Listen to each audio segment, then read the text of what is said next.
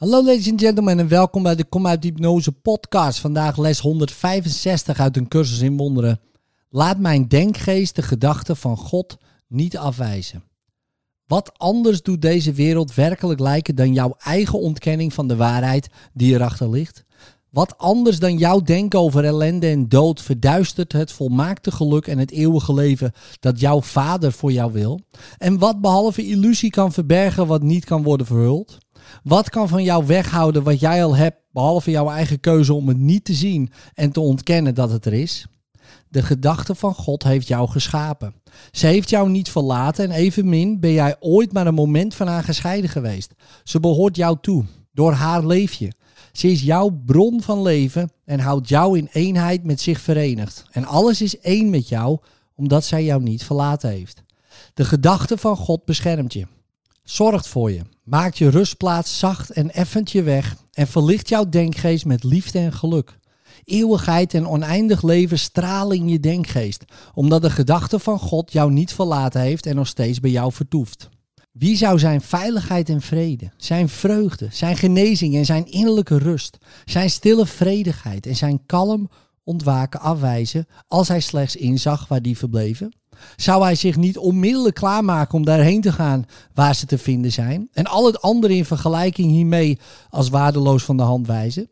En als hij ze gevonden heeft, zou hij er dan niet voor zorgen dat ze bij hem blijven en hij bij hem blijft?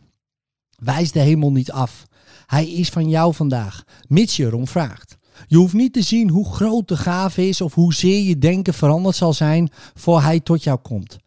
Vraag om te ontvangen en hij wordt je gegeven. Hierin ligt overtuiging. Tot jij hem als het jouwe verwelkomt, blijft de onzekerheid. Maar God is rechtvaardig. Zekerheid is niet vereist om te ontvangen wat alleen jouw aanvaarding schenken kan. Vraag vol verlangen. Je hoeft niet zeker te zijn dat jij om het enige vraagt wat jij wil. Maar wanneer je ontvangen hebt, zul jij zeker zijn dat je de schat hebt die je altijd hebt gezocht. Waartegen zou je die dan willen ruilen? Wat zou jou er nu toe kunnen bewegen die uit jouw verrukte ogen te laten verdwijnen? Want wat je dan ziet, bewijst dat jij jouw blindheid voor de ziende ogen van Christus hebt verruild. Dat jouw denkgeest afwijzing nu terzijde heeft gelegd en hij de gedachte van God als jouw erfgoed aanvaardt. Nu ligt alle twijfel achter je. Is het eind van de reis verzekerd en verlossing jou gegeven.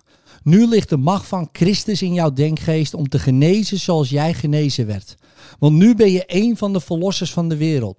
Jouw bestemming ligt daar en nergens anders. Zou God toestaan dat zijn zoon eeuwig hongert door zijn afwijzing van het voedsel dat levensnoodzaak voor hem is?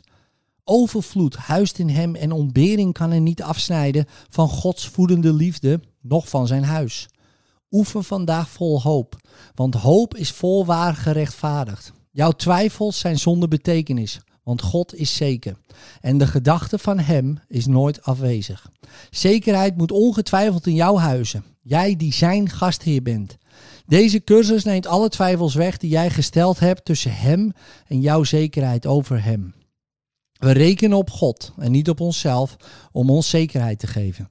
En in Zijn naam oefenen we, zoals Zijn woord ons dat aangeeft. Zijn zekerheid ligt achter al onze twijfel. Zijn liefde blijft aanwezig achter al onze angst. De gedachte van Hem verblijft nog altijd achter alle dromen en in onze denkgeest overeenkomstig Zijn wil. In liefde, tot morgen.